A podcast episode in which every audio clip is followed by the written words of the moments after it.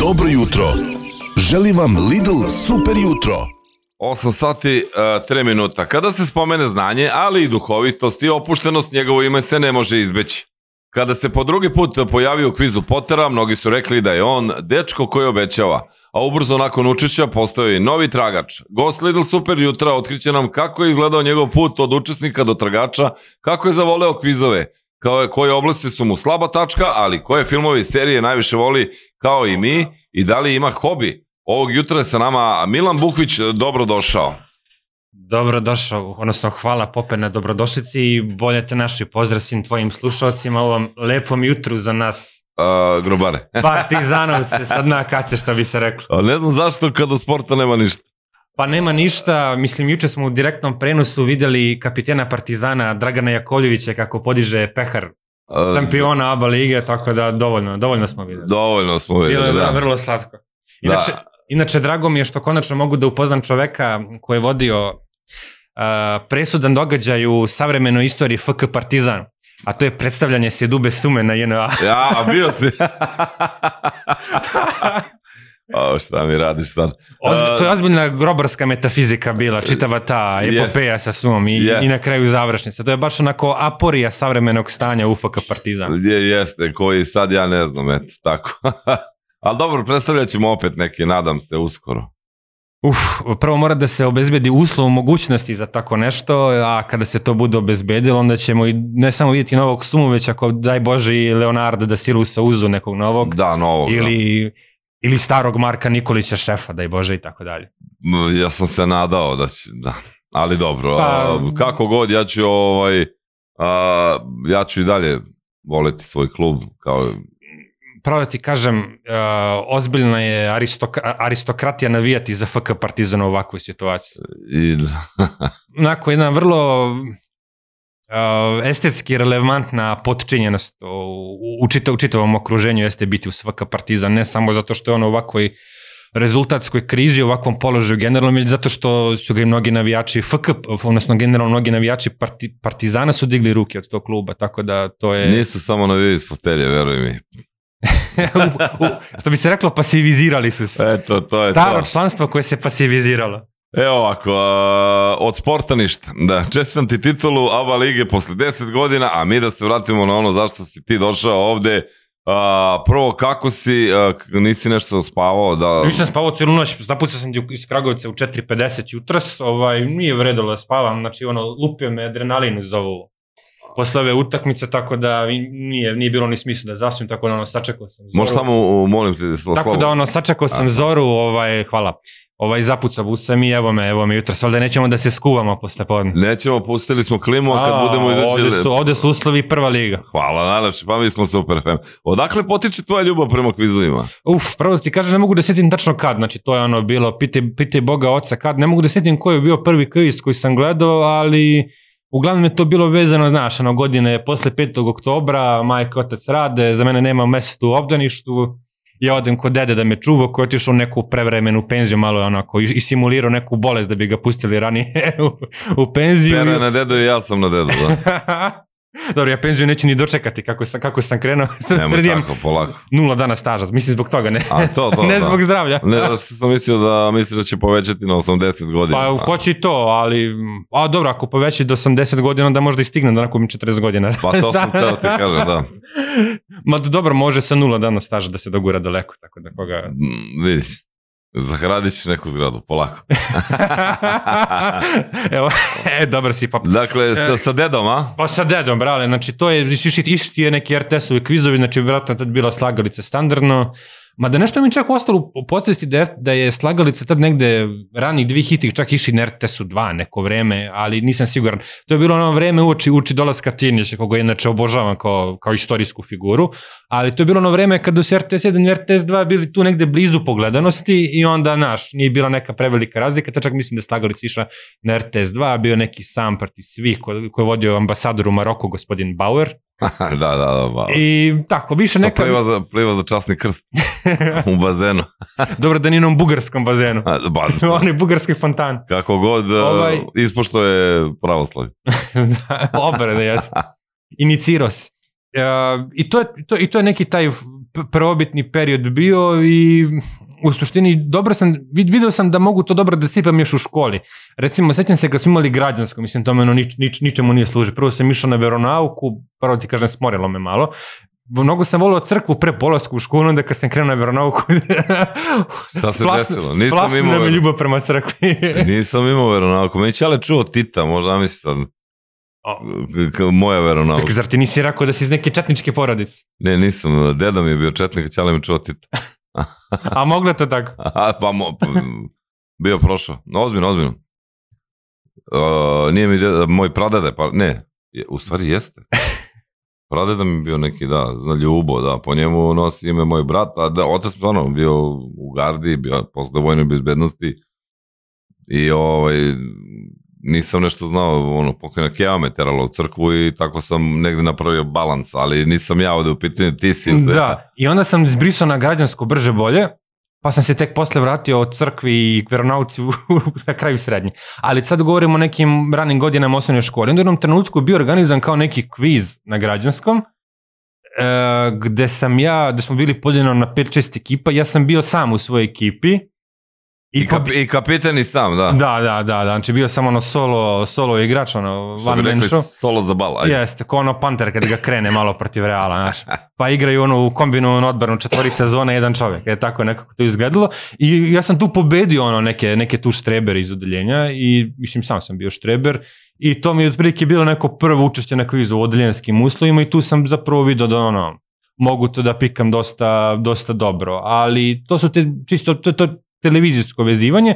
Što se tiče ove malo profesionalnije note, ovaj, note koja mi je zapravo omogućila da mogu da živim od kvizova, ili da nešto zaradim u najmanju ruku. To je zapravo kada sam došao u Beograd pa sam tu naišao na ove pub kvizove standardno. Mislim, ono, pub kvizovi su ti inicijacija u, Dobro, u, ja. svijet, u svijet kvizova. I to je zanimljiv način kako sam otišao tamo, a opet je to vezano in, delimično sa partizanom našim. A? A to, je- to je što sam pisao na jednom forumu u sportskom. Aha. I to praktično, što bi se reklo, forum grobara svih boja. Znaš, ono, 1000 grobara, 1200 frakcija. Da, naravno, da, I- to tu- nas je kraci. I tu ima tih, znaš, ono, tema o istoriji partizana, istoriji sporta, pa onda imaš one teme koje se bave a, politikom, geografijom, istorijom. Ja sam svuda tu da pisao i onda mi se javio preko ove privatne poruke neki lik, to je danas moj drug Vlada, koji je rekao, je, brale, mi smo, kuburimo malo na pub kvizu, ima neki ja pub kviz na banjici, ajde s nama, možda nam pomogneš. I ja sam se tu malo nečko došao i video sam da je to dobro išlo, a onda što me najvrče tu isprovociralo jeste što ja tu nisam bio među boljima, znaš. Ja sam ono, video u školi da od svog okruženja bolje znam, ali to je ono, prorok si u selu, ništa više od toga. A ovde kada sam došao, zapravo sad sam kakvih kvizačkih ubica ima. A opet sam mogo da se rvam s njima. Bio sam lošiji od onih najboljih, ali ono, igram, što bi se reklo. I to me tačno toliko privuklo da ja ostanem uz to. Znaš, da mi to bilo previše daleko, da sam bio preloš ili da sam bio predobar, vratno bi me smorilo jako brzo, ali ako mi to ba- baš bilo e, super inspirativno i zbog toga sam ostao uz to do dan danas. To je recimo neka 2016. godina, tako da evo ima sad skoro Ja sedam moram da godina. vidim kakav si bio đak, inače. E, nažalost, jako dobar. Što nažalost. Gubljenje vremena, pravo da ti kažem. Škola je super u smislu tih ocena, ako ćeš da upišeš neki jak faks pa ti trebaju bodovi. Ako ćeš da budeš neki društvenjak ili humanista kao što sam ja, gubljenje vremena. Prvo ti kažem, žao mi što nisam bio 2-0-0. Čisto gubljenje vremena. Dobro, okej, okej. Dobro, o, I zato, zato ja smo malo prepričali o činstvu i jesmo, I da. kada, i, kada, I kada moje dete bude došlo do tih nekih godina pred polazak u školu, otprilike znaće na osnovu svojih grešaka kako, kako tu treba da, da pristupim i kakve savete da mu dam. Pa dobro, mislim, ok, ali škola ko škola, najlepše đačko, mislim, jeste, pravo ti kažem, pogotovo srednja. Srednja mi je bila, o, osnovna mi je trajala malo predugo, znaš, ono, oduži se već, znaš, što ti ono kao ga si u vojci 10. 11. mesec, tako ti, se, složio kad smo kod toga vojska. u, te, te, civilno u vrtiću, šalim se, u, u, u, ukinut je bio vojni rok, ono kad sam imao, Ne pitam, pošto vidim da barataš ovaj, a, pozdrav za gosta, skroz iskren, pozdrav Milanu, dajte mu minut da proba vaš kviz, pa ako bude došao Danko, da, mi imamo neki Lenovo super minut, a, dobar kviz A, opšte znanje. super, super. E, samo da ne bude ova britanska i američka pop muzika, tu sam. Ne, nije, ne, ne, ne, uopšte nemamo taj, Ovo, Ne. ostalo može sve. baš nemamo taj, a, dakle, Rekao si deda te u stvari uveo kroz celu priču. Pa ta, taj porodični ambijent, znaš, generalno to je povoljno kod kviza što ti to možeš da gledaš ono iz neke topline svoga doma. To nije da si ti sad neki student samac pa pustiš TV, to je manje više gubi tu draž. Ali kada imaš tu organsku zajednicu, kada imaš taj nukleus, što bi se reklo, to je super perspektiva. Dobro. To, to daje potpuno, potpuno drugačiju. Još jednom ću samo... Potpuno daje to. drugačiju boju kada, Hva- hvala kada u takvoj atmosferi gledaš. A, dobro, da, ti si prijavio za Potteru, tako beše? Ili Jeste. te neko drugi prijavio? Pošto stalno pričaju neko drugi je nekog prijavio. da. Znaš, u, uglavnom kada gledam Potteru, pošto je Potter jedan od omiljenih kvizova, barem u mojoj familiji, ovaj, a, uvek neko kao pa prijavila me tetka, prijavila me društvo, prijavio me Zoran, prijavio me Goran, prijavila me Milica. Jesi ti sam ili te neko prijavio? Ja sam se sam prijavio. I to sam imao odgovaranje od toga da učestvujem, znaš. To je bilo za vreme, Kako odgovaranje?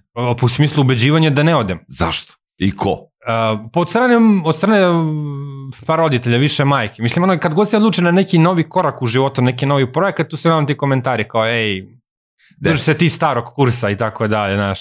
A nekako kad god sam imao hrabrosti da iskoračim, to se ispo, ispostavilo dobro. Tako je to bilo i tada. Mislim, kažem ti, to je 2020, oni prvi lockdown, znači neki ono april, mart, april 2020.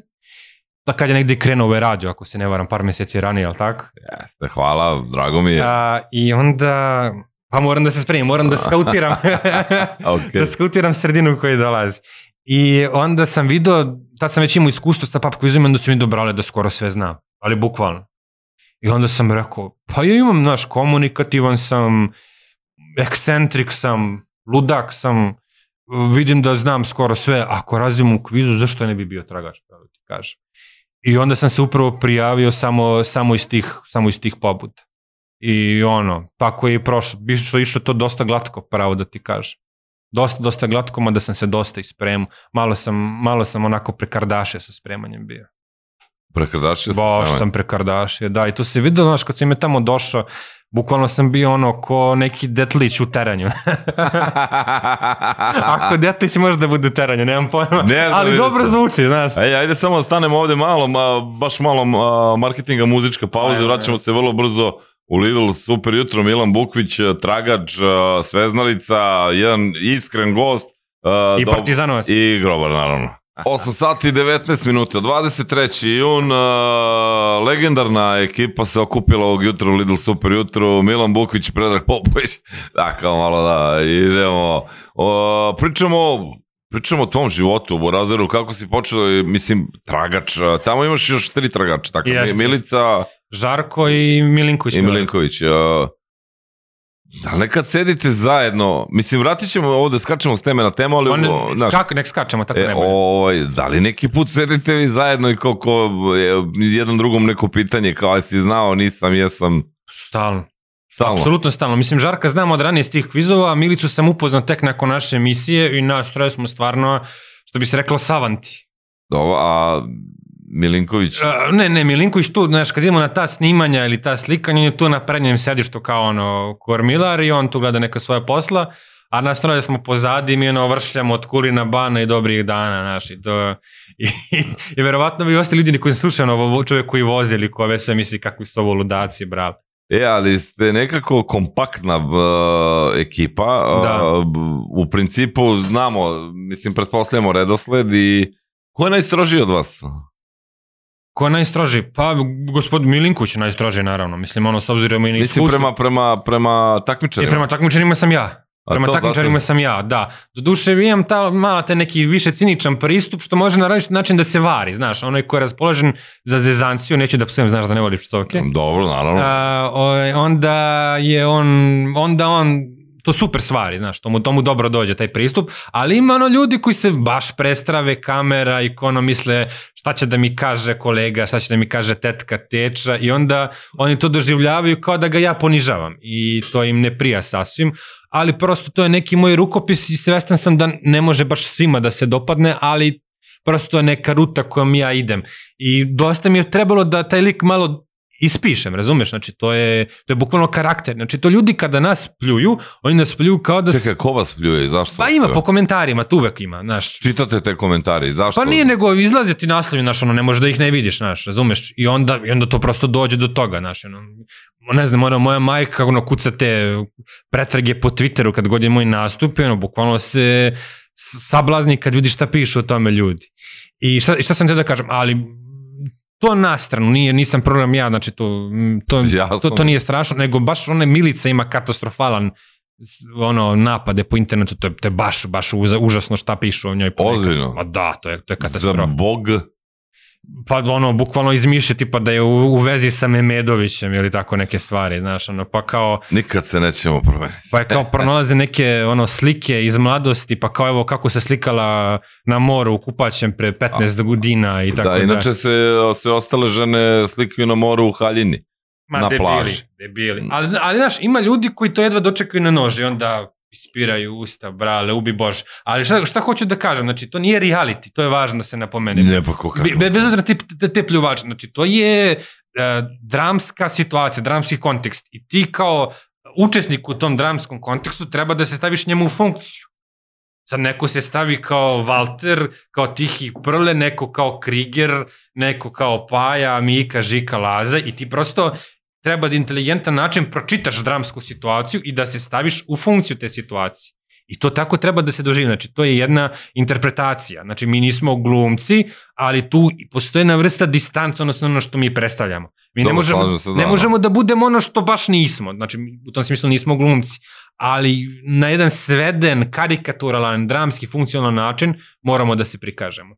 I kako hoću ti kažem, oko tog nekog sarkazma koji imam u tim nastupima, to sam dugo, dugo, dugo pisao i ono, znaš, ja sam u prvoj sezoni, ja tu prvu svoju sezonu kao tagač računam kao nultu sezonu, jer je to bilo ono ispipavanje terena, da vidim šta može da prođe, šta ne, I onda sam tek od naredne sezone, odnosno prethodne, odnosno sad dok upravo završena s emitonjem, krenuo malo da razrađujem svoj lig, dok, dok, dok sam sad baš radio na tome. Znači, bukvalno sam ono uzeo blok i napisao blok scenarija, znači, ono, blokče od 40-50 stranica, gde, gde sam ispunio svim mogućim replikama, različitim situacijama koje, koje mogu da koristim. Evo, kažu te ljudi, dramaturgiju sam na FDU završio, razumem te, pozdrav Milana Dorčel, a, i jedan Jovan te Pozdrav Dorčel. Jedan Jovan te pita, A, da li ti scenaristi govore šta uopšte trebaš da radiš? Ne, ne, Potera nema scenaristi. Nema? Nema, nema, nema, nema. On od tog dela, sadržanog dela ima kreativnog producenta koji tako pravi ta pitanja, pravi setovi i tako dalje, ali što se tiče što se tiče replika nema nikakvog govora i naravno što se tiče pitanja koje mi dobijemo napred, tu takođe nema nikakvog govora, znači nema. Ja, dobijate pitanje napred? Nikako, apsolutno nula. Znači, Nula, nula. znači sedneš ti, sedne on, mislim on stoji, ti od ozgo, on od ozgo i kao imate ista pitanja, prvi put ih vidiš tad. Na, u, u odnosu na koga? Ne, mi ste pitanja kao takmičar. Ne, ne, ne, ne, ne, ne, ne, ne, ne mislim na to. Mislim sada došao Memedović, isto velika glava, ozbiljna glava. Naravno, naravno. Ovaj, I sad, ja sam takmičar, ti si gore u onoj svojoj poziciji i prvi put tad, kad krene snimanje, čuješ pitanje isto kao i takmičar. Apsolutno, brale. Dobro, dobro. To, to, mislim, to, to, moram, pitaju, to, to moram da napomenem jednu stvar. Uh, kada sad neko gleda atletiku i vidi da neko skače ono skoro 2,5 metra u vis, ili 9 metra, ili skoro 9 metra u dalj, njemu to deluje neverovatno, ali tako? Dobro, da. Pa tako isto i sa, i sa ovom situacijom. Prosto, mi smo ljudi koji se neću reći profesionalno, ali poluprofesionalno bavimo time. Ja kvizovima, bilo u pogledu gledanja kvizova, bilo u pogledu proučavanja po internetu i tim enciklopedijama, bilo u pogledu a, pravljanja pitanja za kvizove, posvetim ono 4, 5, 6 sati dnevno. Znači, to nije uključim slagalicu jednom uh, ili dva put nedeljno, jednu poteru, malo kariku i to je to. Ne, ne, ne, ne, ne, ne. Znači, meni je ono trećina ili četvrtina jednog dana posvećena kvizovima. I onda normalno je da budemo u full, u full formi. Mislim, u Srbiji postoji sigurno 30 ili 40 ljudi koji imaju e, znanje na nivou nas tragača. Samo 30 ili 40? Pa, pa to je, to je velika brojka, znači, koji to mogu, koji to mogu da. Znači, ljudi koji se takođe fanatično bave svime time. Ali ono što je razlik, ono u čemu je zapravo teško biti tragač, jeste pomiriti kvizaško znanje i televizičnost. To je mnogo teška, teška priča. Znači da ti a, ispoljavaš to što znaš o kvizovima i istovremeno da budeš interesantan u interakciji, predstavljanju i tako dalje. To je, to će, to će Volsik teško pomiriti. Ja, ja moram sad te pitam, da li vi te primili sad na neki kviz s obzirom da si tragač? Kao... A, Da televizijski, prvo ti kažem, nisam se ni raspitivao, rekao bih da ne, ali nisam ni proveravao. Možda i da, ne Dobro, mogu, ajde, ne mogu da ovako, potpišem. ajmo, uh, sad, sad ljudi kao vratite se na početak, uh, ti si otišao u Poteru Da. i tamo si raz zavalio. Da. I ko te zvao za tragača? Uh, zvali su mi ljudi iz produkcije Adrenalin koji rade taj kviz. Uh, I pravo ti kažem, ja sam znao u to vreme da ide neki casting za tragača, već sam načuo. Jer je već neki moj drug bio pozvan ili, ili dobio nagovešte pozvao na taj casting i onda sam očekivao da ja budem pozvan. I onda sam razmislio, pa brale, sigurno je Znači, bio je casting. Da, da, da, sigurno je bilo, i onda- sam pomislio, brate, sigurno je ovde pozvano desetoro ljudi, u Srbiji ima bo, ne, nekoliko boljih kvizaša od mene, stvarno ih ima za koji šira javnost ne zna, koji su ono, sigurno 30, 40, 50% bolji od mene u, u kvizovima, Ali kao šta je presudilo? a, pa verovatno ta, ne, ta nešto, taj, de, taj deo koji se tiče interakcije, znaš, jer a, ti kada radiš casting ti zapravo radiš i dramske delove, uključite kameri kao ajde mi pričamo, komuniciramo. Ja moram da kažem da si jako razgovetan. Stvarno? Da. E, hvala ti. Hvala ti. Nije mi dikcija neka jača strana, Da, ne, ne, ne. Malo je vežbam, ali nije, ali nije, on, nije mi odličan si, znači, e, fenomenalno. Hvala, hvala ti, hvala ti. Tako da bio je casting, ne znam ko je tačno sve išao, mogu da naslutim ko je pozvan, za neke ljude znam i ono, uh, ja sam tu bio testiran i uh, na casting sam zakasnio skoro pola sata, nekih 20 minuta, dolazio sam iz Novog Sada i sad čim sam zakasnio toliko, to zapravo znači da nisam bio mnogo entuzijastičan. Aha. Jer ti ono kada si, kada, kada imaš, misliš da je ono, samo treba da se poviš, ono dođeš pola sata ranije, znaš. A ovde sam ono zakasnio, brale, ubi Bože, bilo me sramota. Ali kad se kamera uključila, toliko mi je legla ta neka pitanja koje sam dobio u smislu razgovora, a onda su mi testirali kvizaški, da sam odmah znao da je to to. I onda su nakon toga išli još neka dva, tri probna snimanja kratka, tad je već bilo jasno da sam neki prvi favorit da to prođe. I onda, i onda kada RTS poslao psihologa u tu produkciju Adrenalin, onda sam znao da je stvar jako blizu. I to je bilo jako interesantno. To je žena koja se zove Nina Umićević, koja radi za te RTS-ove programe, te neke psihološke razgovore. Uh, ja sam Šta ste pričali? Pa si piškio kao mali u krevet, Ne, ne, ne, ne, ne, ne, ne u tom smislu, nego ono, nađemo neki problem i bukvalno debatujemo o njemu. Aha.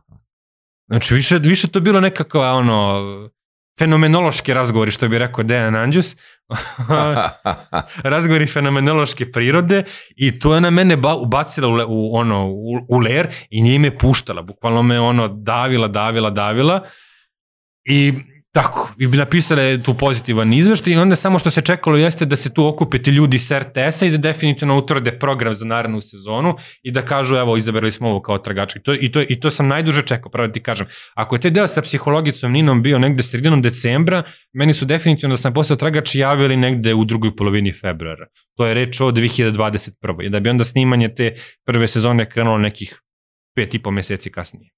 O, ja, jesi upoznao e, čoveka koji sastavlja pitanja? A, pravo da ti Ko, ko, ko je, koliki je to tim ljudi? a, to piše tamo na odjevnoj špici a, A da, da. i znam čoveka koji je bio glavni urednik pitanja, to je jedan od naših najboljih kvizaša koji se zove Ivan Andonov. Nisam ortak lično s njim, ali ga poznajem sa tih pub kvizova i tako dalje.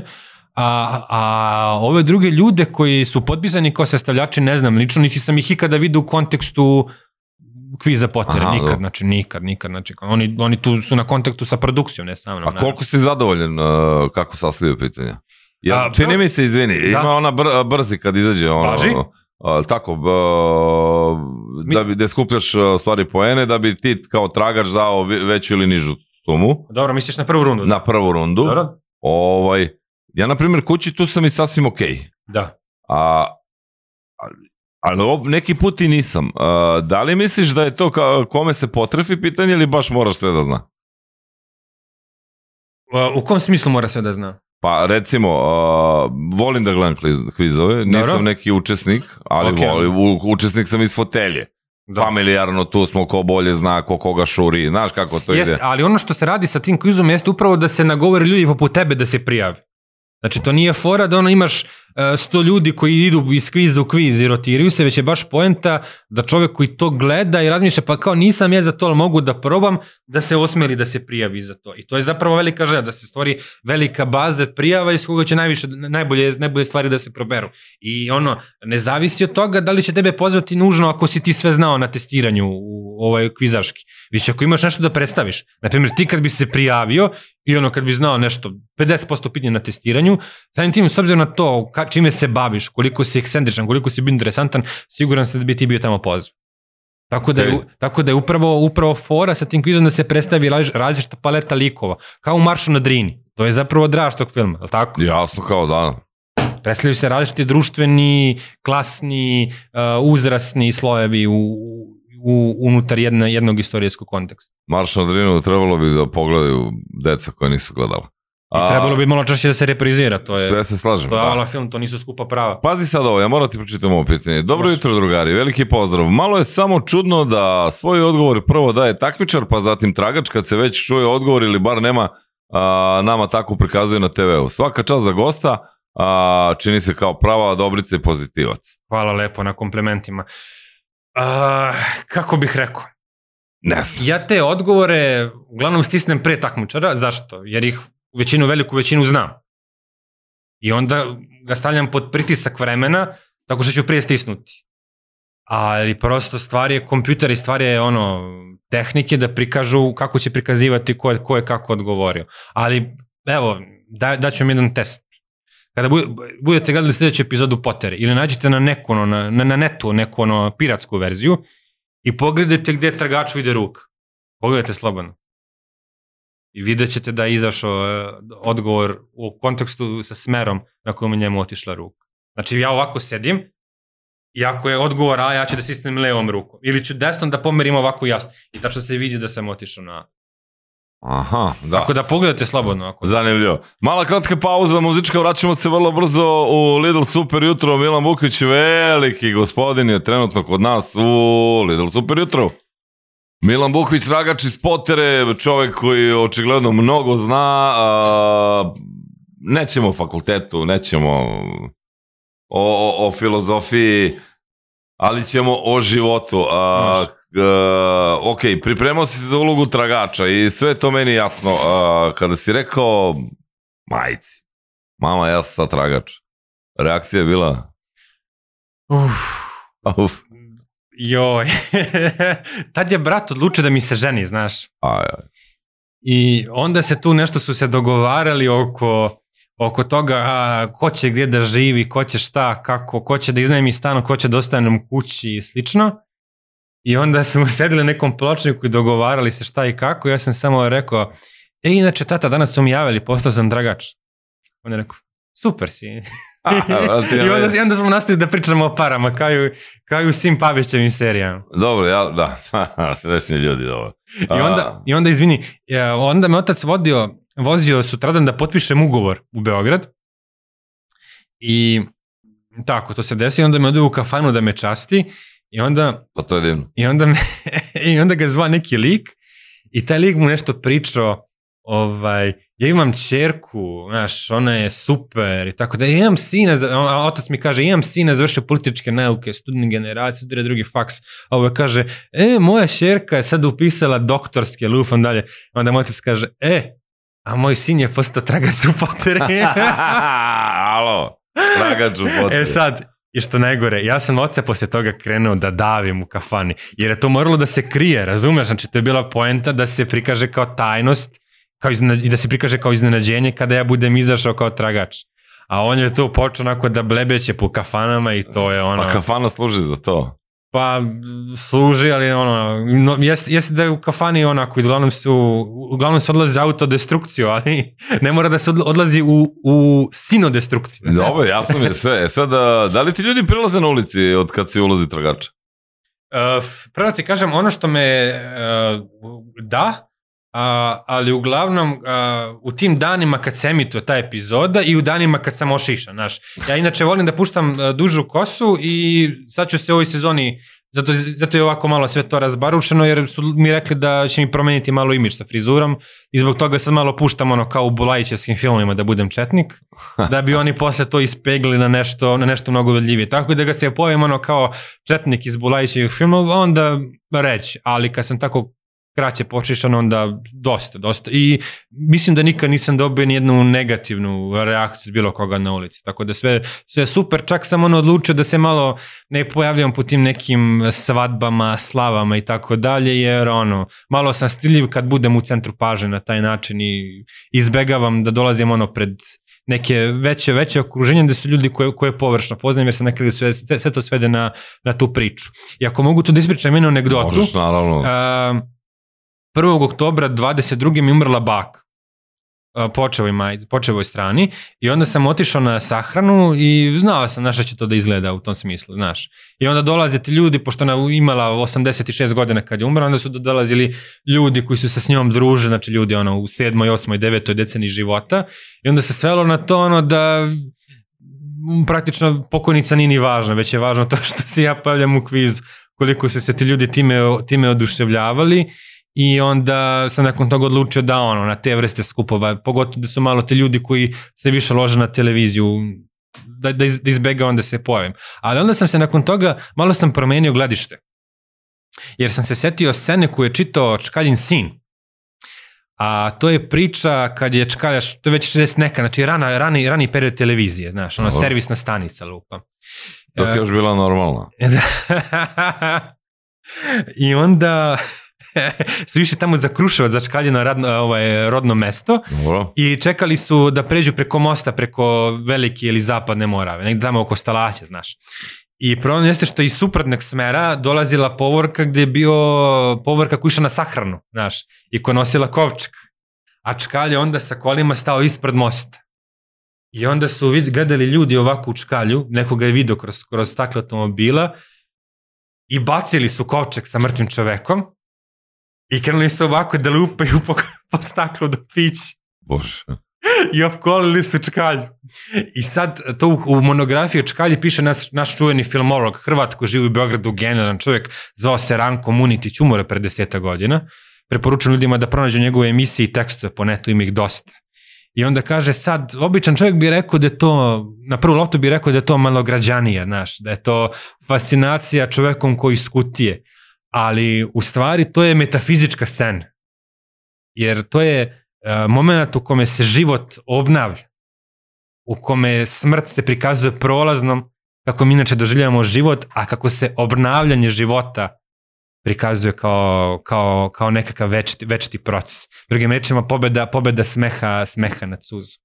Tako da to je jedna, Lepo zboriš, jedna, da jedna ozbiljna metafizička scena i onda sam se setio kada sam sad je moj brat krstio dete, čerku za 6. za 6. maj, za Đurđina našu porodičnu slavu i onda je ovo napravio neko malo porodično kupljanje i neko je citirao neku scenu sa čkaljom, mislim iz vrućeg vetra, i onda je tetka koja ima 65 godina, znači koja odrasla uz čkalju na televiziji, samo ovako nostalgično rekla, e, čkalja. E, čkalja, da.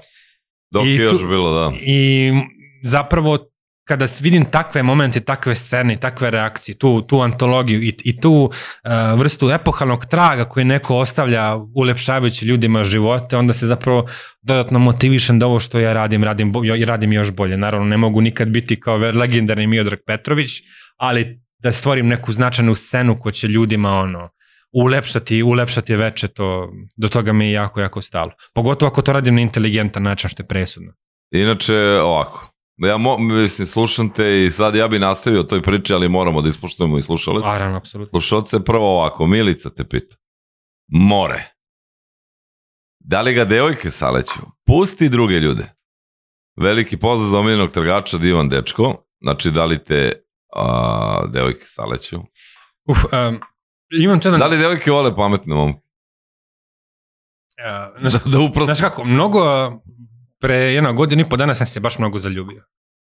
I to, I? to i dalje traje, znaš. I, Još si zaljubljen? Aha. Bravo. I onda mi je malo blam da pričam o ženama u javnosti, znaš. Svaka čast, ne moraš da pričaš ako nećeš, ali... Ja, Ali pod način na koji sam odgovorio, jasno te otprilike Sve jasno. o čemu se radi. Da. Sve jasno i želim da se to nastavi.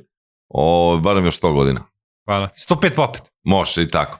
Da li tragače namerno oblače, blago rečeno neobično ili bolje rečeno užasno, dok je Memedović savršeno stilizovan? A, PS, hvala za gosta, fenomenalan je. Živio prijatelju. A, Nataša je u pitanju. E, ži, živa bila Nataša. e, namerno, na, da, da, da, da, znači ono nije, ne, jednom sam došao, jednom, jednoj emisiji sam bio, uh, sad imao sam sako, imao sam kao neki duks koji imao kapuljaču i onda su rekli, kakav seljak je, No, da, sako i kapuljač. Pa što, kažem, pa ono ja, kažem, ja kućer to nosi. ja kažem, jo, zanimljiva opaska sa što nam kućerom. E, i, i, ja kažem prijatelju moj, ovaj, pa to mene Ašok Murti oblači, to se njemu javi. Ašok je, jel? Ašok je, Ašok je, Ašok je genijalan čovjek, ja mu, ja mu tepam profesore, Ovaj, zašto? Jer on kad je mene video prvi put nije se oduševio, znaš, ja nisam neki lepotan, još sam manje zgodan, šta sam me njemu interesantan, i vah, wow. bio je strog prema meni, znaš, ono, oblačene manekene dolazim ja, ono, ko trapesan građan. I, I onda kad smo imali prvu kostimsku probu, on je mene odveo u kafić. I terao me da mu pričamo o filozofiji. I ja sam njemu dva sata pričao o savremenoj filozofiji. I on je meni tu poslali neka zdravorazumska potpitnja koja su mene ovako dodatno rasprinjavala. A, šta on time hteo da postigne? Da me vidi u najboljem svetlu, da vidi moj karakter, Aha. da vidi šta ja jesam, kako bi otprilike... Ili iz karaktera treba da te obuče. Treba jel? da dedukuje neku, neku vrstu stila. Ja o tome apsolutno ne znam ništa, ja nikad nisam kupio ni gaće sebi, kupujem čarape na pijaci ponekad. Pa dobro. I to je to. Ovo ostalo me sve oblače... Jeftini su kvalitetni. Da, sve me oblače gospođici i gospođa. Aha. Dobro i bitno da ima ko da te svuče. Mi moramo na malo uh, marketinga i vraćamo se vrlo brzo u Lidl Super jutro. Ja bi najviše voleo uh, neke stvari da vam prenesem, ali neću, ovo što pričamo van programa. Uh, Odnećeš u grob neke tajne. Hoću, hoću sigurno. Pazi sad ovu poruku pre nego što nastavimo, molim. Može. Lijek i Dorčul. Ja Opet ste Dorčul, nešto me volite iste Dorčul. Volite i Zemun, volite Bežanijska kosa, evo, Niš, uh, da nije lepa brena sa Bežanijske kose pisao. Jest, Fahrete je tu. Uh, Pope, svaka čast na gostu. Hvala. Ali? Skro... Ne, ne, ne. Ne, ne, ne, ne, ne, molim te. Skroz sam promenila mišljenje o njemu. Ovako starija, mislila sam za njega da je obražen, a gle dečko koji mnogo obećava, sve najbolje za njega u daljem životu i naravno u ljubavi. Iskren hvala. pozdrav. Hvala, hvala. Jedna iskusna gospođa Veliki pozdrav. sa Beogradskog došla. Samo malo strpljenja i nije teško promeniti mišljenja čoveka ako mu date šansu. I zato meni drago što sam i dobio poziv ovde, jer, kako bih rekao, želim da se prikažem u nekom drugačijem opuštenijem svetlu i to mi je, to mi je mnogo, mnogo mi je drago što to ljudi tako doživljavaju. Pravo ti kažem, ja sam naučio kroz život da nemam predrasude o ljudima koje sam vidio na TV-u dok ne upoznam nekoga ili čuo negde, jer to mi je totalno nenormalno, znaš, pritom smo zemlja koja je rekla kazala, rekao mi taksista da je Žika, znaš i tako to i onda totalno ba, ljudi imaju neko iskrivljeno mišljenje o bilo kome, da li je, ali ovaj, kad upoznaš onda sam, to čuješ evo i kroz ovaj program. Zato mi je drago da si tu, uh, rekao sam ti malo pre, ne da me vozi priča, ja te ne pitam pola stvari koje smo ovde pričali za tebe, ali dobro. Uh, je, da, stiglo ti pitanje jedno, koja ti je lakša uloga, tra, tragača ili takmičara? Uh, pa pazi, da bi, no, no, no, no. da bi bio dobar tragača, apsolutno. Jer moraš da misliš na mnogo stvari, znači ti se i kuvaš onom kostimu i moraš da razmišljaš i kako će ti biti izraz lica dok pričaš i da li ćeš i ocu gledati u oči i da li ćeš reći nešto inteligentno, da ne kažeš nešto smarački. Treba da znaš ono 85-90% pitanja koja, koja su jako teška. A, Jesu. Znači, ja na sreću neki put. Znači, to je, to je jako teško na velikom uzorku znati u tolikom, u tolikom procentu. A ono što je lakše kod e, takmiča, kod tragača jeste što ti tebi dobitak, honorar ili bilo šta ne zavisi od konkretnog uspeha u epizodi. Tako da tebi manje više to jedino na šta ti, na šta ti je šta je važno jeste da napraviš dobar show na ovaj ili na onaj način.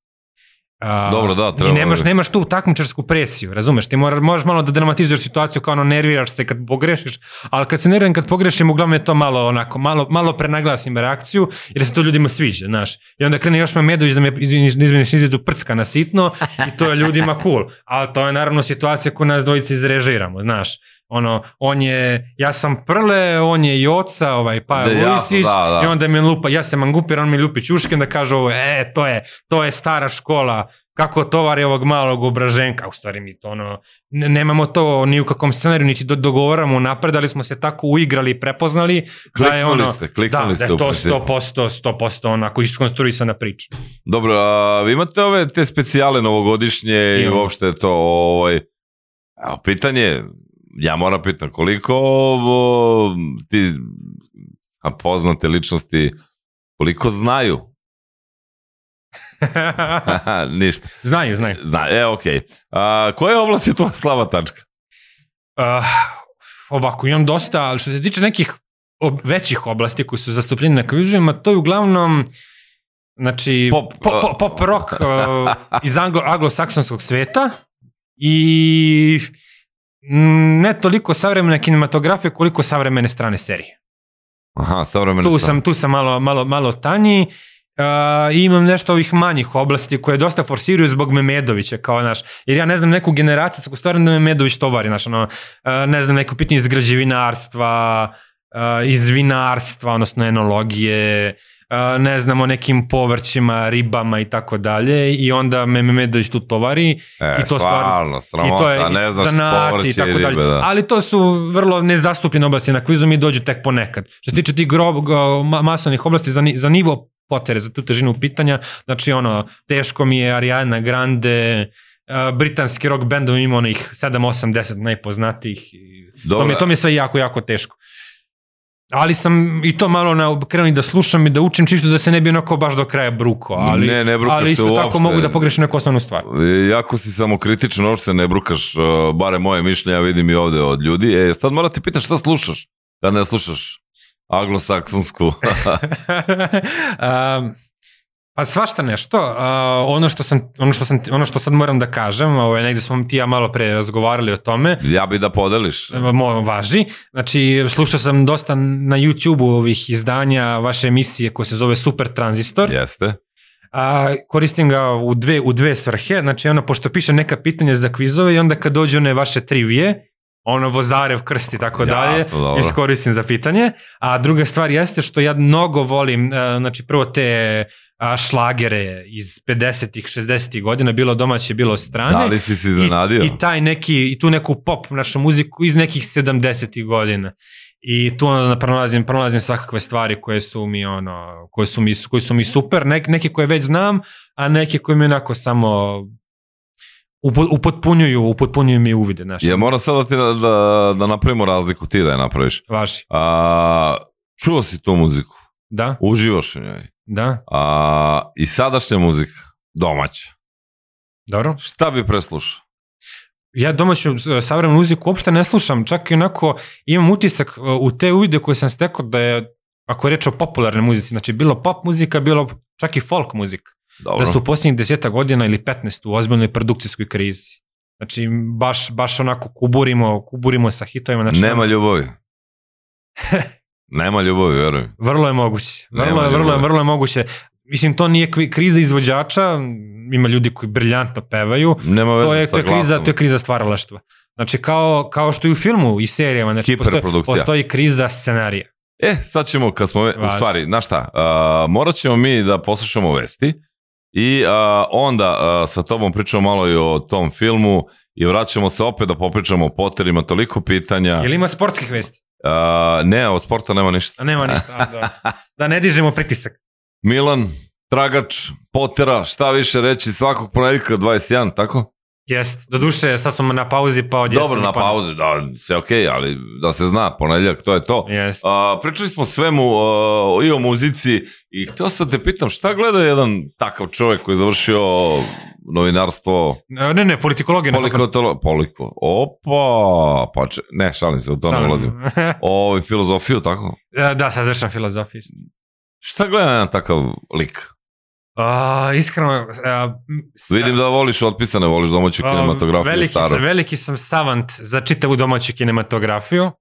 A, to, znači, to, to, to, to me toliko e, zabavlja i zanima da ono, gledam sve od ono, klasika crnog talasa do onog najgoreg treša, ono, Zoran Čalić, Bato Prelić i tako te stvari. Znači, domaća kinematografija mi je ono, interesantna sama po sebi, bilo šta. bilo, bilo koje smeće, bilo koji kvalitet i ono, e, možda se i nekada budem se odlučio da nešto napišem tim povodom, bilo kao nekakav esejista, bilo čak možda razmišljam i kao neki mogući scenarij. Imam, mislim da imam malo šlifa, šlifa za to i ukoliko budem imao neke lagodnije životne okolnosti, malo više vremena, gledajući da se posvetim a, učenju te, te vrste zanata, onda i da probam nešto konstruktivno da napišem u te, u te svrhe. Jer kao što sam rekao malo pre, mislim da kod nas postoji zadnjih decenija razlog zašto naša kinematografija kvalitativno nije više na nivou na kom je nekad bilo, jeste, jeste kriza scenarija. Dobro, da. Ako ne možeš napišeš dovoljno misonu, dovoljno mesnatu stvar, onda ni, ni najbolji glumci ovog sveta, ni ne znam ne nijakakva mogu da lova, iznesu. ne može to da ispekli. Može, smo- može donekle, ali ne. ne, A, ne mi smo radio koji uh, vrlo vodi računa o preporuci šta da se sluša, šta da se Važi. ovaj, gleda. Uh, volimo, gledamo filmove, idemo u bioskope, idemo u pozorišta, gledamo sve, ali nam se u poslednje vreme pojavio film domaće produkcije, ja mislim da domaće jeste, zove se Leto kad sam naučila da letim. Ok, Da li si pogledao? yes. I šta kažete? Um, ajde ovako. A, Raš Andrić je majstor. On je, žao mi je sad što ovo sa Munjama nije dobio dobre, dobre recenzije. A, Moja, moje mišljenje je da Munje nisi trebalo snimati. I moje, mislim da je to bio, da je to bilo samo ubistvo. Ne znam, mislim moram da znam iz kojih su pobuda, iz kojih su to pobuda radili, da li da se obrne lova ili, ili je stvarno neko osjetio stvaralački nagon da to može onako da, da podigne na jedan nivo da, da to rehabilituje, ali ne, ne, ne, ne, ne, ne. Mislim, Munje mislim, su mislim da u munje startu- i to je i to, je, i, to, I to je to. Mislim, to je prosto... Jer, jer šta je, šta je poenta sa munjama? Munje e, imaju gole, orig, originalni munjama, ono. je. To je znači prvi film koji sam gledao u bioskopu. Eto, je. Početak 2001. godine, imao sam nepunih pet godina. U bioskopu Šumadija koji je brzo propao sa tranzicijom u da, da. Pojeli ga Ruzmarin Snjegovi i Šaš. E, šta je poenta sa tim munjama-? Što su oni imale nenadano veliki komercijalni uspeh. I stekli su toliko uzdignut status u narodu mimo svojih minimalnih pretenzija, mimo svojih pretenzija. Znači, to je trebao da bude jedan underground film otporaške generacije snimljen u, u, u suton Miloševićevske vladavine i to je to. Znači, da to bude više ne, kao nekih od dva sata kvalitetnog programa samo pet godina kasnije. Ali to se pretvorilo ono u intergeneracijski film. U toliko ono, neću reći kultni, ali toliki klasik naše savremene kinematografije da ono, ako bi neko nabrao 3-4 najveća naša filma 21. veka, sigurno bi, sigurno bi tu stavio, stavio munje. Ok, to Tako je- da, o, to je, one su po mom stavu postigli nenadano veliki uspeh i nenadano predemionzirani status nego što je imao, nego što su autori imali nameru kada su ga prvo Nećeš da nisu očekivali. Mislim, a, ubeđen sam da nisu. Dobro, ubeđen a, sam da sad si rekao 3-4 filma, evo ti kaže pet filmova iz 21. veka domaći kinez. Koji su mi omiljeni. A, hajde ovako. Hajde da se volimo. A, misliš iz 21. veka? Šalim se iz 21. Ja. Aha, znači, a, broj 1. A, film se zove Isceljenje. Isceljenje. Da. A, dva, dvojice glumaca se samo pojavljuju, to su gospodin Jovo Maksić i pokojni gospodin umro nedavno, nikomu nije ni ono, nije bilo nikako ni komemoracija, umro, kao da nije niko ni umro. Zove se Radovan Rade Miljanić.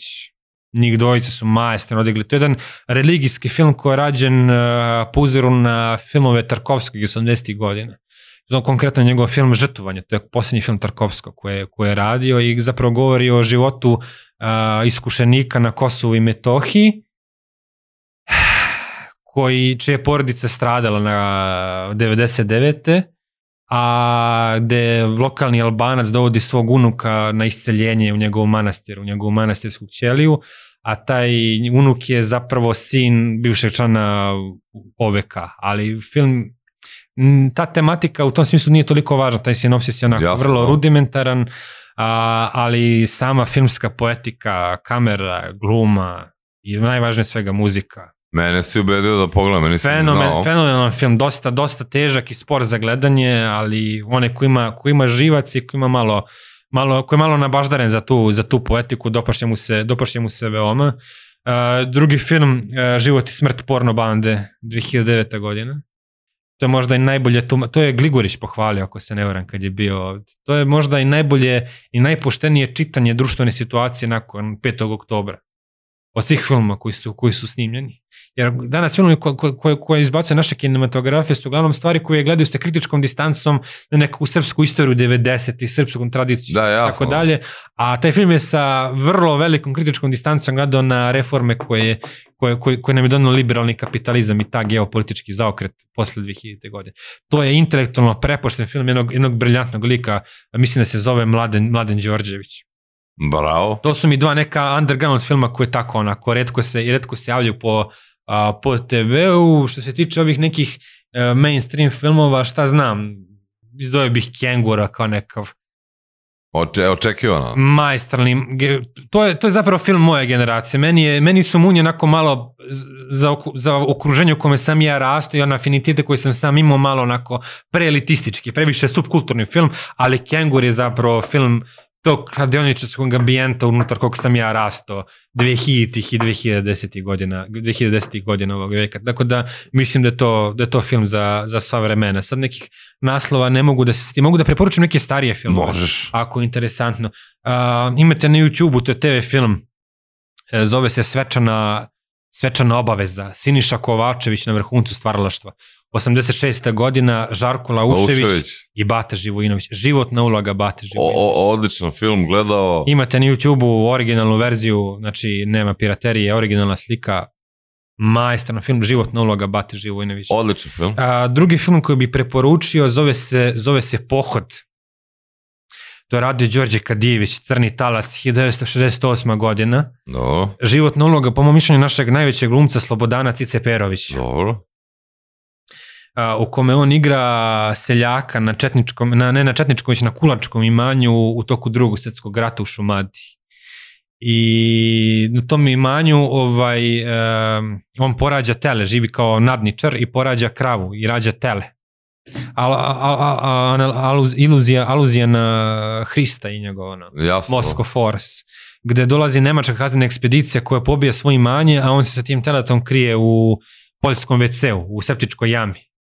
I onda izlazi iz te septičke jame i onda luta srpskim planinama gde vršlju Nedićevci, Ljotićevci, Nemci, Partizani i Četnici, a njegova jedina želja je da spase to tele, da mu ga vojske ne otmu i da, ga, i, da ga, i da ga ne zakolju. Neverovatan film, taj Kadivić je, Kadivić je majstor. I tu postoji jedna genijalna, po, po mišljenju, naj, meni, meni najdrža scena u istoriji naše kinematografije. Ide on sa tim teletom po snegu i najđe na cigansku čerku koja ima, koja ima medveda. I cigani hoće da mu otmu tele i kaže evo ti naš medved, a ti nama daj tele. On tele neće da da ni za živu glavu. I onda cigani krenu ovako da ga opsedaju i lupini darijama, oko- da, da, da, dar, da, Da, dobro. dajirama oko Dajirama. njega i onako on upada u neku paniku i kreće da beži. I ovi sa sve mečkom krene, krenu u poteru za njim i za teletom i tu postoji neka drva koji su rasečena. I on se sakri iznad tih jednog stabla sa sve teletom. A ovaj jedan glavni vođa čeri kaže, ma tu je on, sakrio se, sakrio se. U tom trenutku čuješ, Raus! Dolazi nemačka kaznena ekspedicija.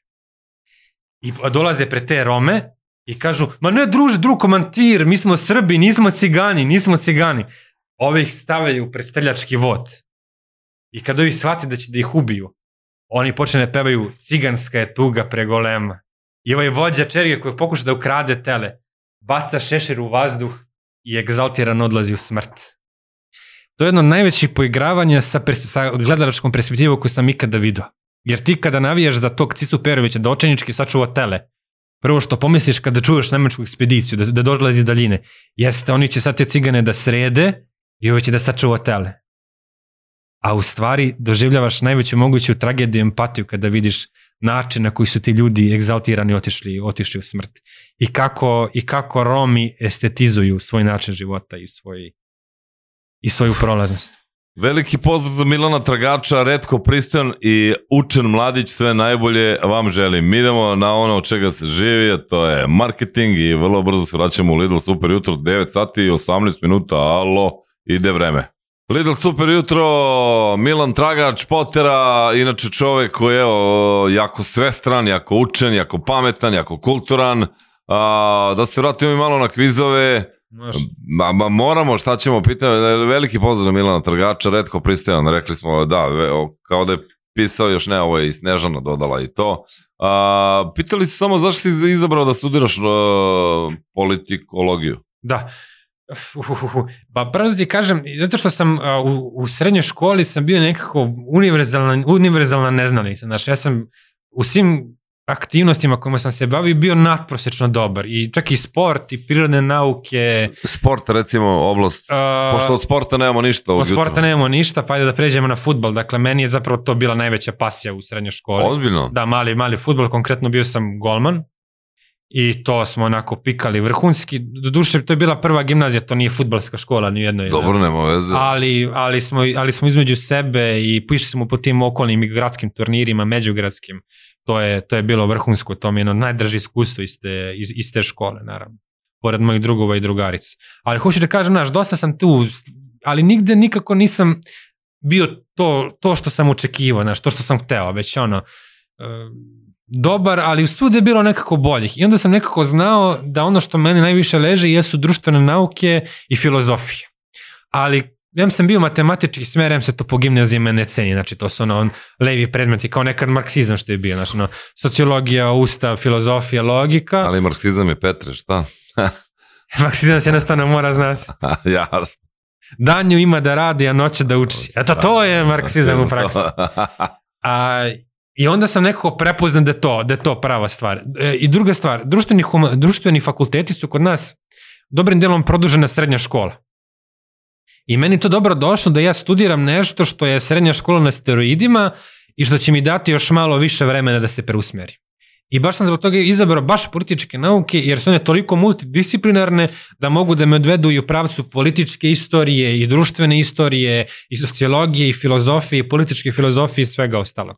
I to se upravo i desilo i onda profesor koji mi je predavao filozofiju, uvod u filozofiju prvoj godini Časla Koprivica, je rekao da imam izvanredan talent po njegovom mišljenju za filozofiju, što u jednom trenutku nisam znao. Imao sam interesovanje, ali znaš, Kragujevac je mala sredina i nema ko, i nema ko to tamo adekvatno da proceni da ćeš mu ti baš verovati, znaš. Dobro. I onda kad sam došao kod njega na političke nauke, kada mi on rekao da je ono, da stvarno je ubeđen u moj potencijal za takve stvari, da mi je Bog dao dar za takvu stvar, onda sam samo rekao, kažeš da šta god treba, on je rekao ideš ti u Novi Sad da upišeš filozofiju mimo ovoga i onda sam ja jedno vreme paralelno studirao i političke nauke i filozofiju dva različita, od dva različita grada. Mislim da je filozofija ipak meni viša, veća pasija od, od, od, od političkih nauka, ali ipak i ono čime, čime što pišem u, u okviru pardon, filozofskih istraživanja jesu društveni problemi, društvene teme, istorija, politika i tako dalje. Tako da i tekako je i tekako isprepleteno ono što sam učio na prvom i ono što sam učio na drugom faksu. Dobro, okej.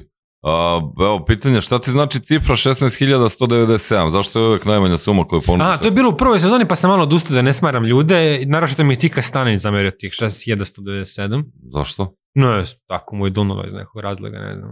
Morate to njega da pitate. Dobro, vi od, odokativno to kao... Ne, ne, ne, ne, nama, nama iz produkcije kažu u koju sumu da ponudimo nižu i višu, ali sam ja tražio 16.197 da bude nižu u prvoj sezoni. To su neki važni datumi, sad ne bih govorio. Dobro, okej, da, znači ipak iz produkcije, na, nije ono... Pa sad- da, mislim, njihov je budžet i onda oni, oni odlučuju to, znači, ono, mogu je da, može meni neko da se svidi da kažem milion dinara, ali, znaš, ja ne dajem svoje pare. Dobro, slažem se, da, nego nisam znao ko je budžet, ali sad vidim da je velik. Znaš, jel treba... Pa po nagradama mi deluje da sve veći i veći, što je dobro, znaš, ono, važno je, važno je ipak da nagradni fond bude malo opipljiviji u kvizovima, pogotovo u celovečernji, znaš. E, a u trećoj rundi, Da? kada su takmičari sami protiv, ono, ono kada Dobro, dobro, ima ono odbrojavanje, da, da li je to, to, kako da postavim sad to pitanje, imaš tri runde, koja ti je najdrža? Meni druga. Aha, Ubedljivo druga, zato što postoji interakcija. I to je ono na što je najviše polaž. A, ovaj treći deo, e sad, meni je kao takmičaru, najjača je bila, najbolji sam bio u toj trećoj rundi i to ono što je bilo prijesno da postanem tragač. Pogledajte to na YouTube-u, postoji dalje.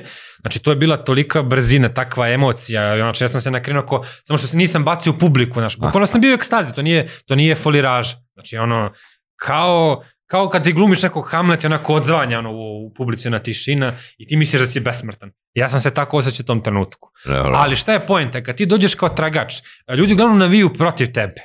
Jer ti ljude sprečavaš oko Da, očica da, jeste da, uzme, da uzmeš pare. I onda ona vrsta ekscentričnosti koja prolazi kao takmičaru, neće da bude ljudima simpatičan dok si je tragač. I onda stvarno ne ide da se ja u poslednjoj rundi da jurim nekom, da, mu, da, da ga pobedim, da ne uzmem pare i da urličem, da se bacakam, e, Dobro, da jasno je vičem, da, da se vidi da mi je mnogo ostalo da pobedim. Tako da druga runda mi više da, da mi bude onako konstruktivna, da to bude mainstream, a treća mi malo služi tako, da unesem malo neke emocije, malo neke drame i ništa više od toga. Da, jako zanimljivo. Ta treća je, mislim, mislim, meni kompletna i prva, druga i treća mi je, znaš, ono, kao zagrevanje, razrada i ovaj, taj finish.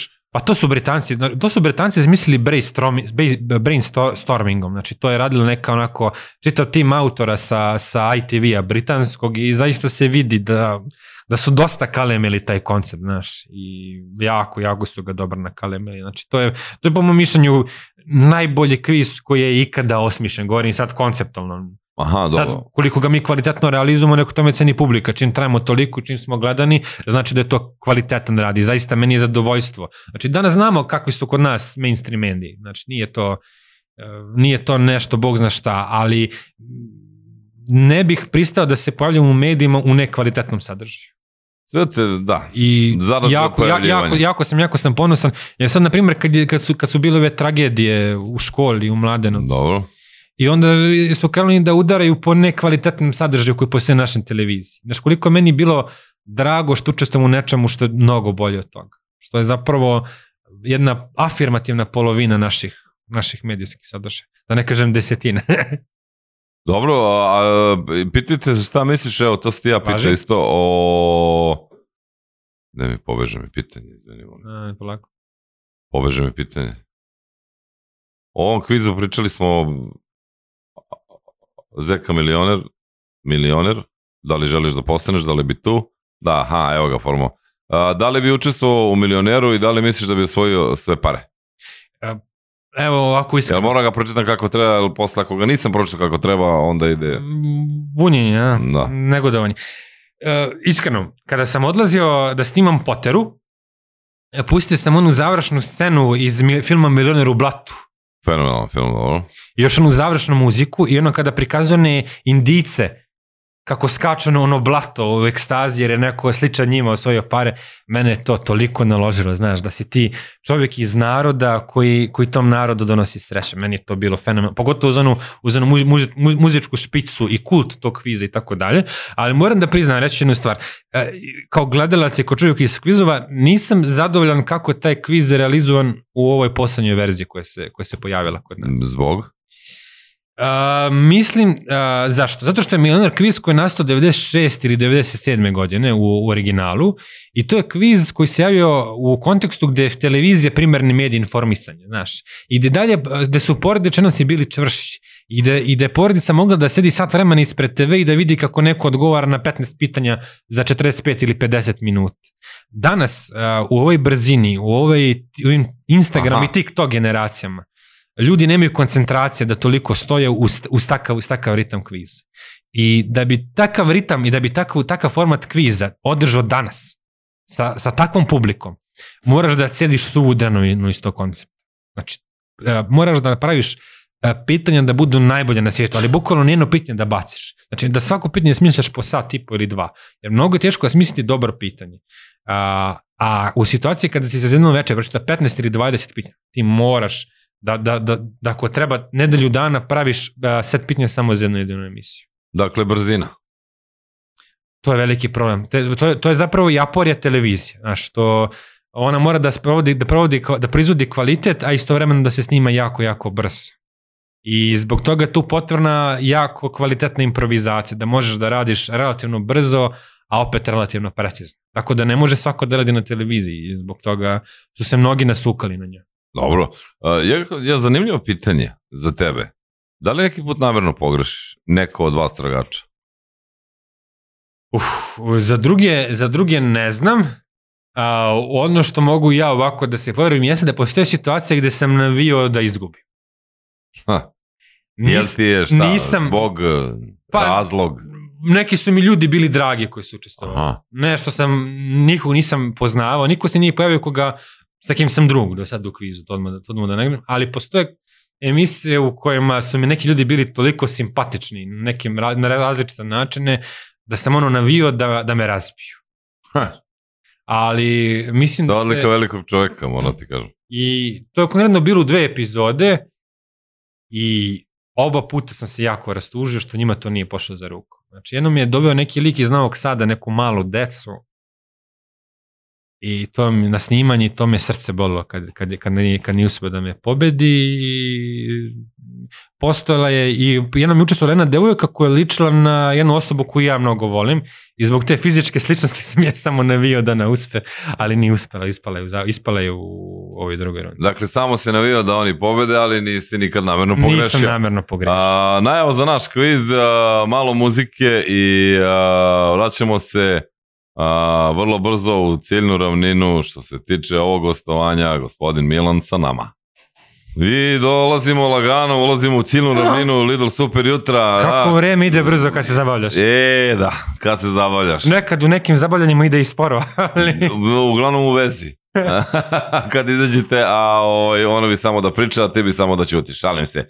A, da li imaš neku epizodu Potere koja je tebi do sada bila naj, ono, wow, zanimljiva, ludilo, takmičari, haos, sve živo? Uf, um, ne, ne, nemam konkretno, ali A ne konkretno. ne konkretno, pa postoje neki segmenti koji su meni jako, jako dragi. Ovaj, jedna od najdražih mi je bila ono kad sam rekao Memedoviću da je više boj nego play. To je, to je, to je istinita priča, znaš. ok. Ovaj, doveo ja kuma stragarca na, na snimanje, znaš. Dosta jako. I on tamo gleda šta se dešava i ima veliku socijalnu inteligenciju. Posle toga odemo mi u kafanu, neku zemu, na neka krilca punjena. On meni kaže, bogati, kakav je playboy, a ne Memedović. I meni ovo dođe vrlo inspirativno i kažem, reći ću nešto na ovu foru u sledećem epizodi, samo ću nešto da dopišem. I ja vidim nešto epizoda nije mnogo interesantna i kažem, eto sad ću ovo da bacim. I dolazim ja pred Memedović i kaže, znate, Joco, bio sam sa kom stragarcom levo desno, kaže meni kakav je playboy ovaj Memedović. A ja Ha. kažem, da, mada je dodam, više je boj On nego je play. I ozbiljno je dobra fora. I ovo je napravio ovako, i ovo je napravio ovu neku facu kao produži tišinu. I ovi ljudi krenu da se cerekaju i naravno ono, stižu mi neke poruke da mi ljudi kažu kako si nepristojan i tako dalje. A mislim, problem je što malo te stare generacije ne razumiju tu foru zapravo.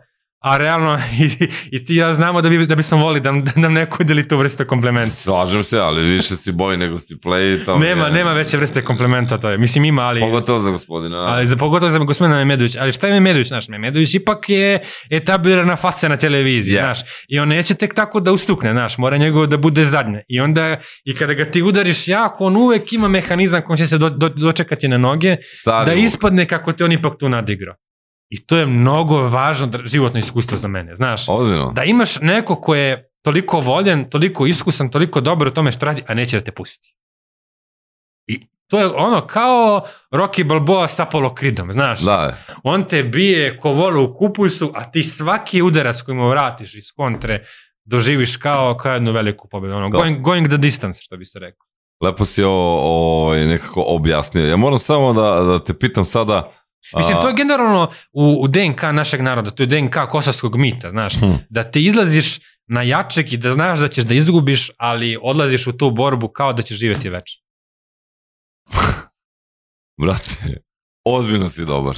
Ovim Hvala. citatima svojim, moram da ti kažem. A, često se kaže, ako ne znamo neko pitanje, odgovor je uvijek pod B.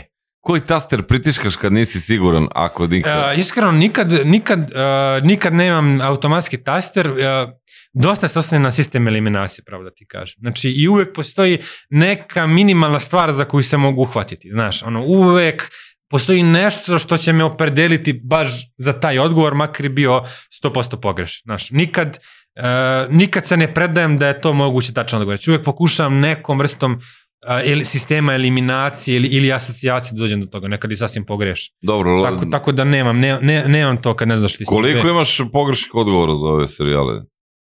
A, računao sam negde, mislim da mi odnos, računajući i drugu i treću rundu, 85 prema 15, što nije loše. Ali a, ono što je interesantno, pošto postoji neki Belorus koji izbacuje statistiku, i u, pr u prethodnoj sezoni svoj prvoj e, sam od svih tragača imao najbolji skor, a u ovoj prethodnoj smo Žarku ja imali najbolji skor na dobi. Imali smo skor, mislim, 5-4 u pobedu. Da. i statistika. Znaš da je Dan Tegazno juče imao 100 od 100%. Jeste, jeste. Eto. Nije, nije mnogo šutirao, ali, Ali se pogodio. Doduše je promašeno jedno bacanje, ali okej. Da. Ali, Iz igre, pričam iz igre. Sad smo sami ja i Dante i ona komedija što smo bili mi. Znam da ne volite tu muziku na ovome, ali toliko je se ta pesma rokala u areni Jeste, da sam, primila da sam morao da je... Da, Premila se. Da, da, a, zapamtim. a, dobro, ja, ček, ček, ček, ček. a, da, da, I mnogo da. volim te likove kao što je Dante, vrate, koji su pravi kad je najteže. Pa ustaneš, Znači, postaneš. A, da li će biti ovaj intervju na YouTube ili negde a, da, da se ponovo preslušam, pokušam da zapamtim pa da mojim prep, mojima prepričam ili nemoguće, da, naravno YouTube kanal Super FM, to O. su svi naši intervjui. A, koliko ti treba da pročitaš knjigu koja ima prosečan broj stranica? Uh, hajde ovako, znači ako je reč o, Ajde. o knjiže, ajde, ajde, baš ako može. Ako je reč o književnom delu, uh, računa i 45 sekundi po stranici. A ako je reč o filozofskom delu, nekih 80-90 sekundi po stranici. Zašto to tako? Pa zato što je intelektualno teže za procesuiranje. Pa mislim, za, na zašto to pitam? Zato što mislim da je tebi to totalno nebitno. Jel si intelektualno... A u kom smislu nebitno, nisam razumio. Pa nebitno mislim da tebi sad treba da, da, da razložiš da li je ovo književno ili nije, nekako imam Ne, utisak. ne, ne, ne, ne, veruj mi, veruj mi, pazi, kada ti čitaš filozofske klasike, znači to su najkomplikovanije stvari koje su pisali najmudri ljudi u ljudskoj istoriji. I to i jezički i, i ovako razumski jako teško je za razlučiti. Stvarno, znači, veruj Ja mi, kad, kad, da- ja kad čitaš mislio da- Hegelu, kad čitaš, izvini, kad čitaš Hegelu fenomenologiju duha, znači to je, to ti idu suze koliko je to teško. Znači, to je, za, zažališ majici što te rodila. Evo, iskreno to kažeš. Uf. Uh, ovako, ka- kad to radiš za neki, za nekih svojih potreba manje više, ali kad to radiš zbog ispita, znači samo u sobi i mora da ono pređeš 400, 500, 600 strana nekog Hegela za taj dan ili Aristotela, brate, to je, to je pakao život. Dobro, ja sam mislio da to tebi baš onako ide onako. Ne, meni to ide lako sa ocenama i tako, to je realno kriterijumi ocenjivanja nisu teški, ali ti ne možeš da čitaš uh, Hegela, Kanta, Heideggera sa 30% mozga, znači ti ono moraš da, to su mnogo inteligentni ljudi od meni, ono moram mečku da rodim da, bi, da bih ih uhvatio za, za glavu i rep, znaš. A, kakvi su tvoji planovi za budućnost? E, odlično pitanje. E, evo, znači, a, pazi, tu sam upao jednu paradoksu. Pomerit ćemo reklame, a, pa ćemo, imamo još nekih a, 7 minuta i onda... Važi, evo da odgovorim u, Ne, ne, ajde. u, 40, u 30 sekundi. 33 sekundi. Ne moraš, ne moraš, ne moraš. A, znači, tu sam malo došao u jednu konformnu situaciju, a to je paradoks da od svog zanimanja ne moram da zarađujem, a od svog hobija mogu da zaradim dovoljno da bih samo njega živao. Divno. Tako da to je jako dobra situacija i ono sad kad se bavim I- tom naukom, ne zavisi mi materijalna egzistencija toga. Moja želja jeste da se nastavim, to, da, da nastavim tim putem samo još onako da avanzujem u službi, što bi se reklo. A to je da ako mogu da se bavim profesionalnom naukom, dakle ili kao nastavnik na fakultetu ili kao istraživač u institutu, a istovremeno da nastavim da radim, da radim kvizovi i do toga zarađujem, zarađujem dobre pare. Eto, želimo da ti se ta želja ostvari. A, šta bi ti kao bivši takmičar i sadašnji tragač savjetovao onima koji žele da učestvuju u poteri? a, da kažeš jednu, da shvatiš jednu stvar, da si ti kad se poviš na televiziji dužan da plasiraš ljudima neki kvalitet. Znači nisi ti tu došao da gledalac bude tvoj rob, nego da ti budeš njegov. Dakle, dužan da plasiraš kvalitet na televiziji. Tako. Znači, Samo da ponovimo još jednom, dužni ste da plasirate kvalitet na televiziji. Da, samo, znači samo morate da pogledate kakva I je... na radiju, naravno. Naravno, u svakom mediju. A, znači morate da vidite koje su vaše mogućnosti i šta vi konkretno možete da ponudite tome. Uzmete tu jednu ili dve osobine koje su interesantne i koje znate da prosto u kafani dobro funkcionišu kada ih vi ispoljavate i to prikažete. E, ja moram sad te pitam ovako, imamo par nekih neobičnih pitanja. Može, može. Koja pesma opisuje tvoj život? Au. A umemo i mi da zabodemo malo filozofije. Mhm, da, da, da, da, da. Imam, imam, imam, imam nekoliko, imam nekoliko dobrih. Izvoli. Imam nekoliko dobrih. Ehm, to su pesme, ovaj, meni se recimo dopada jako stihovi koje piše Duško Trifunović. Konkretno pesma koju je opeo Zdravko Čulić koja muzički nije, bog zna šta, ali tekst fenomenalna. Zove se Da mi nije ove moje tugi. To je, to je, to je fenomenalna stvar. Znači, to je pesma koja opisuje tvoj život. A, to je u tom nekom a, egzistencijalnom nivou, na emotivnom nivou, druga pesma Duška Trifunovića, zove se Ima nešto tam što me nećeš. Od stelaže i načisto umreći. Jasno, sve. Ja bi stao kod ovoga, ali ne mogu. Da li, da li si ikad upao u neku neprijatnu situaciju zbog greške u SMS poruci? Au. Yes. Ok, jesi. Do, do, sasvim dovoljno. Ovaj, I zato, i, i, i šta radim? I zato uh, sve poruke, osim poruke jedne osobe, brišem. Kako mi se slučajno ne bi desilo da neku poruku koja bi mogla da bude malo neposrednija pošaljem nekom kome ne treba. Znaš šta je pobeda ove emisije? Kaži. Vladimir napisao sledeću poruku. SMS. Imam osjećaj da sam pametniji posle ove emisije. Hvala ti. Hvala ti, Vlado. A, dobro. Nadam se da će imati još prilike da se slušamo i gledamo i sve tako dalje. Da, da, definitivno. Uh, sledeći put bi volio da pozoveš još jednog tragača ako budeš, Važi. pa da napravimo neku univerzalnu paralelu. Važno, A, može, može, može. Kada bi mogao da biraš između super moći letenja i nevidljivosti, šta bi izabrao i zašto?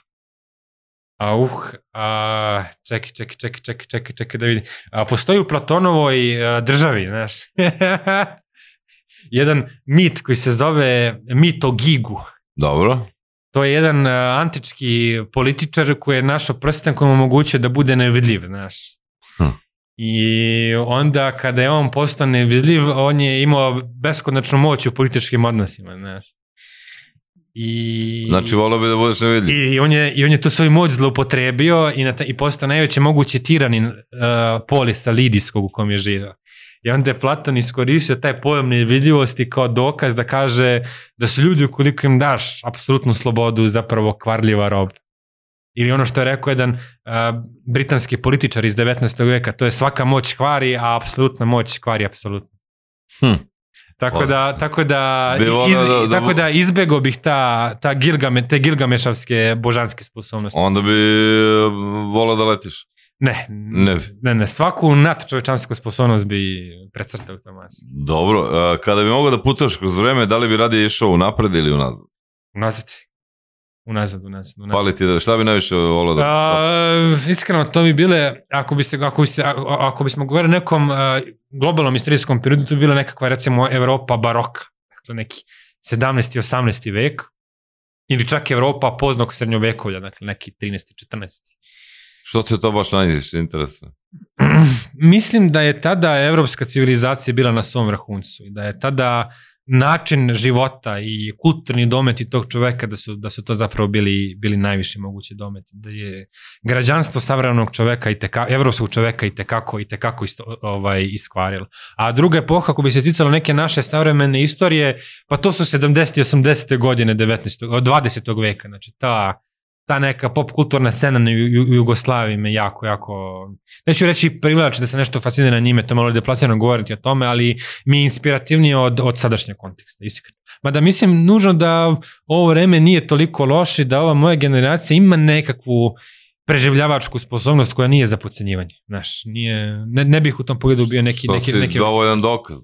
Pa ne znam, vidjet ćemo. Ima neki- Jesi, jesi. I moram sad ovako, imamo za kraj za ili protiv ili, ili za ili protiv. Uh, za ili protiv brze hrane? a, u praksi za, u teoriji protiv. Dobro, za ili protiv ekstremnih sportova? Uh, nikad o tome nisam razmišljao. Uh, ako su ski skokovi ekstreman sport, onda za. Dobro. Ako ne, onda protiv. Dobro. Za ili protiv društvenih mreža? Uh, meni je, evo, ajde, ajde, ajde u 10 sekundi. E, Meni je internet dobar ukoliko služi e, načinu e, komunikacije koji ranije postoje. Ukoliko on sam definiše komunikaciju štetanje. Tako da sam više protiv društvenih mreža. Slažem se. Ili, ili, potera ili slagalica? Brate, moram Potter, mnogo više volim Potter, iskreno ti kažem. Bioskop ili pozorište? A, bioskop bez ikakve dileme. Kinoteka, Jugoslovenska, Kosovska 11. Idemo, novinarstvo ili filozofija? Kako? Novinarstvo ili Filozofija. filozofija? filozofija svako doba dana i noći, filozofija i u novinarstvu, zašto da ne? I za kraj, leto ili zima? E, brate, ja uvek imam kompleks od leti, jer ili sam previše mrša ili imam previše masti, tako da zima, brale, tu se Zima, pokrijem. brale. I sav sam sakriven i boli me, i boli me uvo. A, gospodo draga iz Iša, Kragovica, Beograda, Japana, Njujorka, odakle gde god da ste, a, sa nama bio Milan Bukvić, a, moram da ti kažem doviđenja. Pope, uh, vidimo se. Da će Bog, tamo negde od septembra se ponovo čujemo i da napravimo neku kompilaciju. I sreća nam titula, naravno. I Da. veliki pozdrav svim gledalcima. I, a, od Sve ovo, sve ovo zbog vas radi. Hvala, a od sporta a, ništa. Oda smo, lako noć i prijatno. Super FM.